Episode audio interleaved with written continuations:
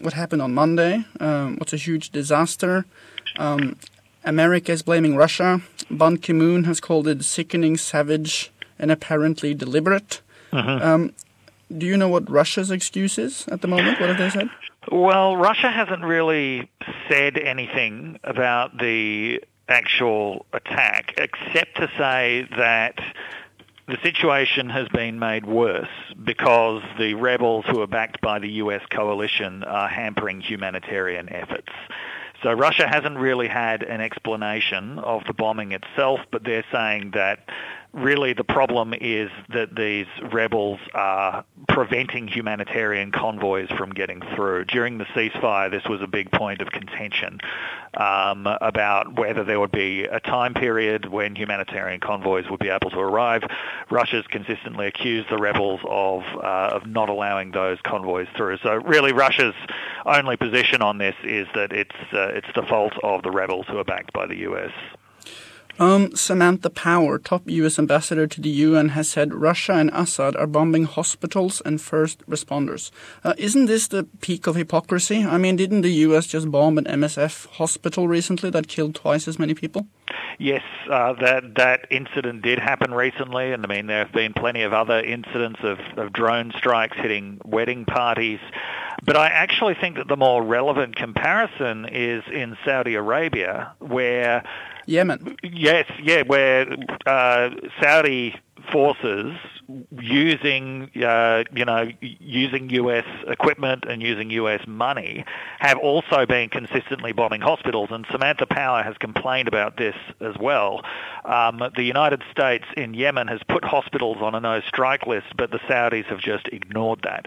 So, I mean, when U.S. forces have bombed hospitals and uh, have, have had drone strikes on wedding parties, I mean, generally they've admitted that these are mistakes, even if these are mistakes that happen fairly frequently.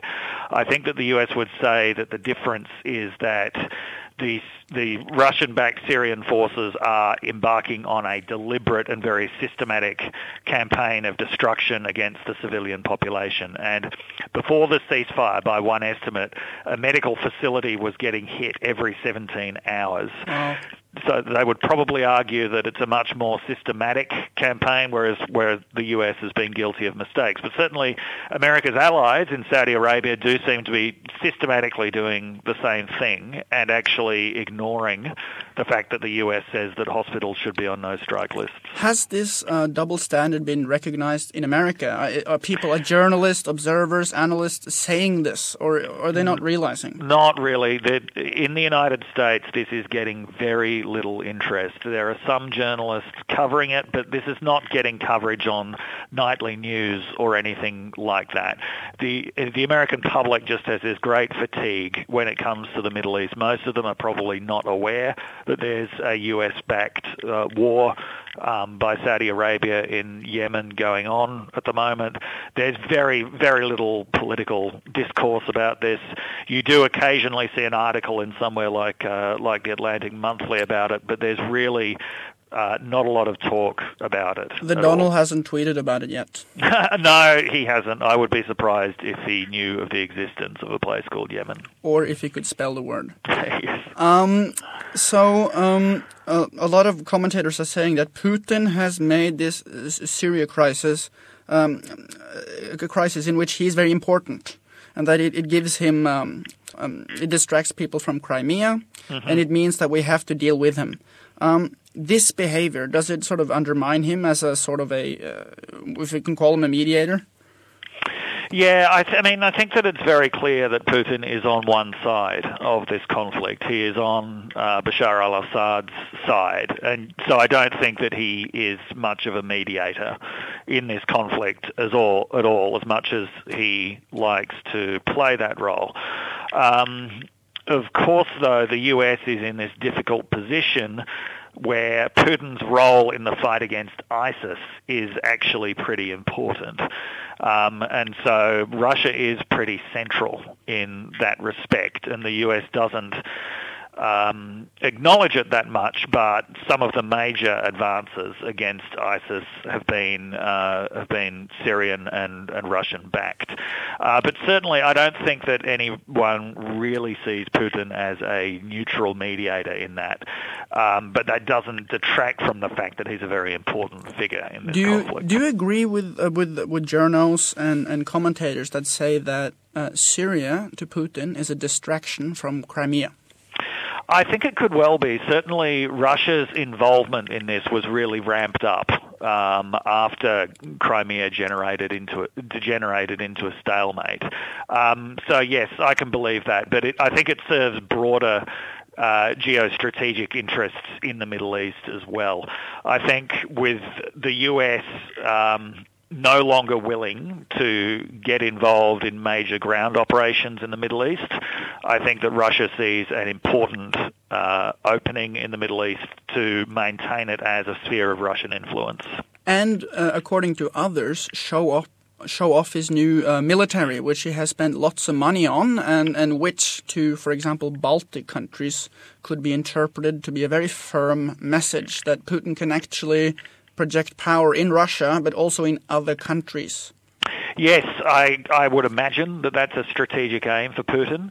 Although, obviously, if he fails, it sends the wrong message. And this was the problem with him uh, in Crimea, is that he didn't have a, um, you know, Russia didn't have a decisive victory um, in Crimea. It actually seemed to expose the limitations of Russian power. Um, so, yes, he in Syria as well. I mean, Russia and the, the Russian-backed Syrian forces have made some uh, serious advances, but he, he's far from decisive victory there as well. So this may be the point, but it could also backfire.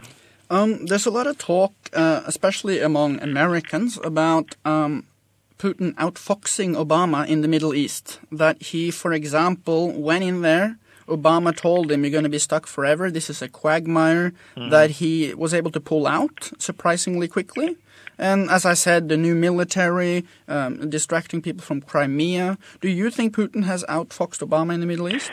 I think that uh, we're not going to know for a number of years who got the better of who strategically in the Middle East.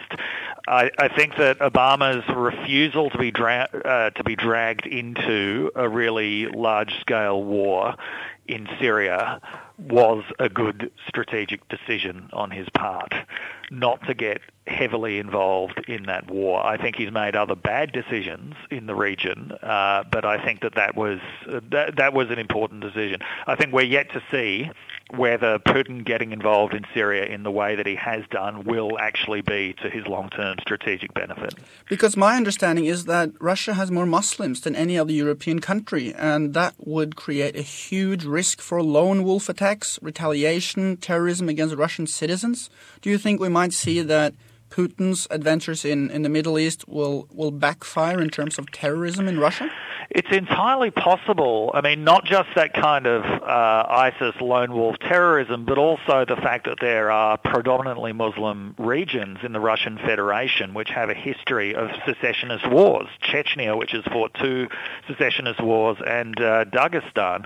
And there's nothing to say that secessionist war couldn't flare up there again, though maybe this time within a matrix of jihadism rather than nationalism. So yes, there there are definite dangers uh, for for Putin getting involved there. Um, on overall, what do you think about Obama's Middle East uh, policy now that he's leaving office? I think that there have been some successes and there have been some failures. I think that the Iran nuclear deal was a very important and positive uh, piece of policy. I think that though the strategy that Obama has pursued at the same time of trying to keep Saudi Arabia on side and happy and actually increasing aid to Saudi Arabia in order to balance out the Iran nuclear deal, um, I think that that's been very bad. And I think that the uh, the escalation of the war in Yemen has been made possible by this uh, kind of continuing U.S. support. So I, th- I, think there's a very mixed legacy for uh, for Obama in the Middle East. I think that Yemen should be seen as a as, as a distinct black spot on that record. And it, of course, makes everything Obama says look hypocritical. It does, although perhaps no more hypocritical than you can expect from any other uh, kind of Great power. major power, yes, that gets involved in this region or any other region. Mm.